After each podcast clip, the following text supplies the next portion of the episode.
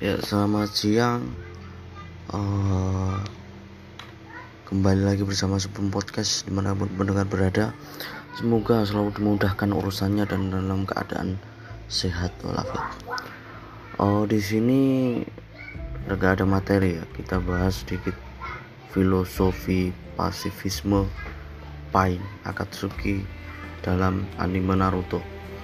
Ya, anime Naruto sejak zaman dulu banyak dikagumi anak-anak tahun 90-an uh, eh, karena cerita-cerita tentang peperangan ala-ala ninja. Uh, tapi uh, saya juga mengikuti ya.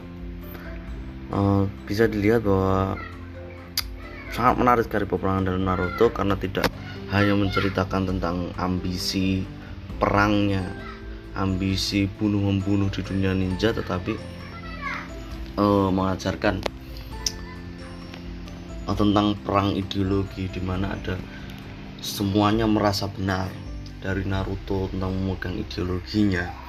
Yang akhirnya Naruto sebagai bintang ada juga Pain dengan ideologinya. Kemudian ideologi Pain ternyata dikendalikan oleh Obito dengan ideologinya. Dan juga akhirnya uh, Madara dengan ideologinya yang akhirnya gagal. Uh, uh, ternyata dikendalikan oleh Kaguya dan lain sebagainya. Di sini yang menarik adalah ketika scan Naruto melawan Pain sendiri, di mana Pain sendiri mempunyai alasan di mana ia uh, mendirikan Akatsuki untuk rencananya menyebarkan kedamaian di dunia tetapi berbanding terbalik dengan cerita-cerita karena Pain Akatsuki sangat ditakuti pada uh, cerita itu. Tapi di sini dapat dilihat uh, bahwa Pain sendiri mempunyai filosofi pasifisme di mana filosofi ini menganggap bahwa perlawanan terhadap perang atau kekerasan sebagai sarana untuk menyelesaikan pertikaian. Uh, kita bisa dilihat dari scan di mana Naruto dan Pain itu berbincang-bincang gitu. Di mana saat itu Naruto hampir kalah. Uh, Pain berkata bahwa dia ingin membawa perdamaian ke dunia ninja gitu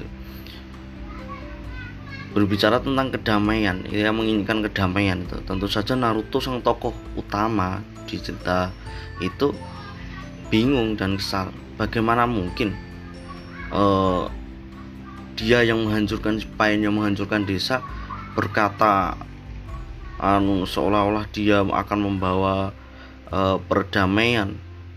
Bagaimana mungkin uh, Pain yang membunuh guru Naruto membawa ingin bicara mengenai perdamaian itu saking marahnya kepada Naruto uh, Pain Akatsuki itu. Lalu Pain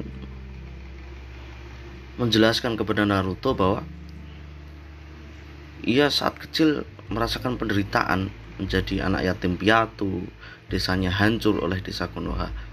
Uh, semuanya akibat peperangan Berbeda dengan negara-negara besar seperti Konoha yang bisa, bisa cepat stabil karena negara kecil yang berada di medan perang antara Konoha dan negara lain itu pulihnya sangat lama gitu dan meninggalkan luka batin karena desa Pain itu menjadi tempat peperangan di mana hancur dan nggak tidak ada yang uh, bertanggung jawab di situ. Lalu uh, lalu Pain pun berkata kepada Naruto, kita sama-sama merasakan penderitaan. Kau mengejar keadilanmu dan aku mengejar keadilanku. Kita itu sama seperti orang pada umumnya gitu. Itu kata uh, Pain. Sama-sama digerakkan oleh keinginan untuk balas dendam atas nama keadilan. Itu yang menarik dari kata-kata Pain. Kita itu sama-sama mengejar keadilan, tetapi kita itu balas dendam uh, karena si Naruto ingin balas dendam karena desanya dihancurkan. Pain pun begitu.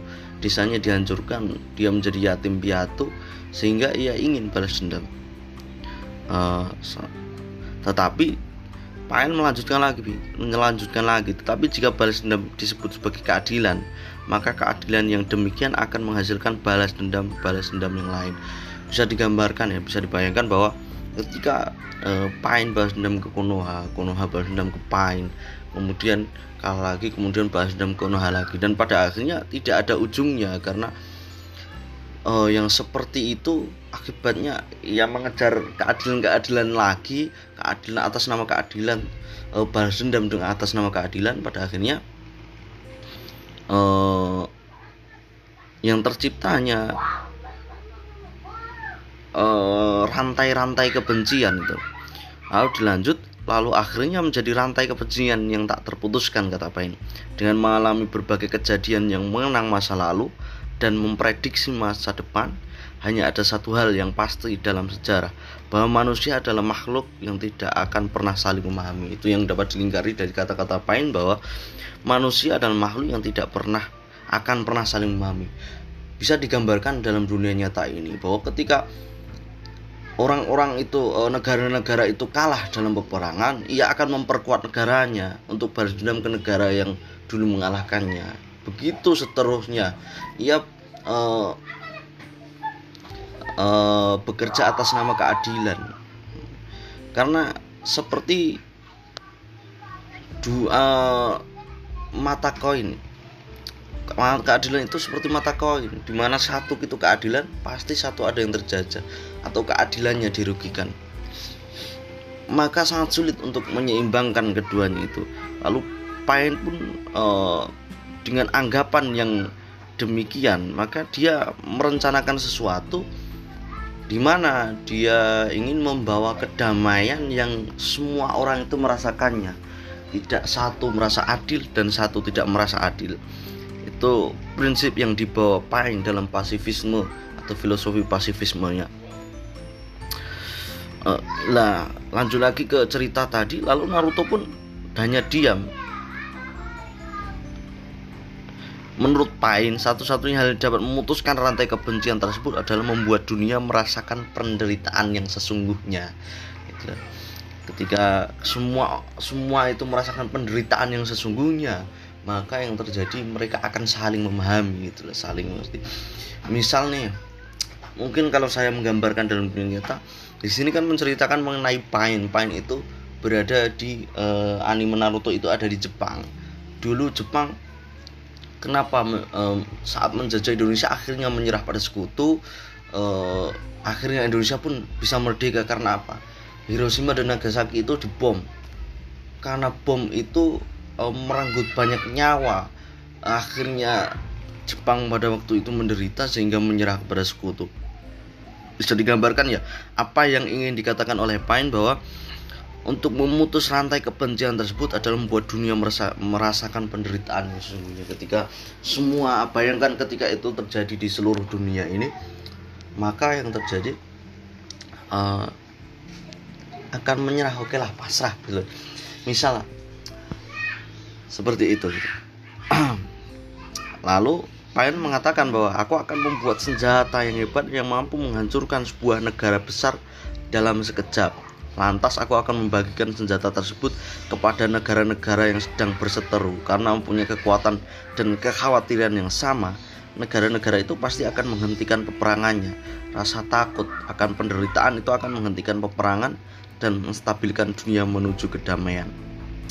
Jadi gini, ketika semua mempunyai senjata yang sama, ketika semua merasakan penderitaan yang sama, walaupun itu uh, penderitaan yang sama, negara-negara itu punya penderitaan yang sama ketika ingin balas dendam di eh ternyata dia punya senjata yang sama bisa merasakan bahwa dia bisa balas dendam dengan hmm, cara yang sama itu maka semuanya akan punya rasa takut dan penderitaan. Itu yang membuat uh, rasa damai menuju kedamaian bahwa ia akan takut terhadap perang dan akhirnya dia memutuskan jalan damai. Karena bila dilihat pada hari ini ya negara-negara maju memperkuat dirinya agar menjadi dikdaya dan akhirnya menjajah negara-negara berkembang.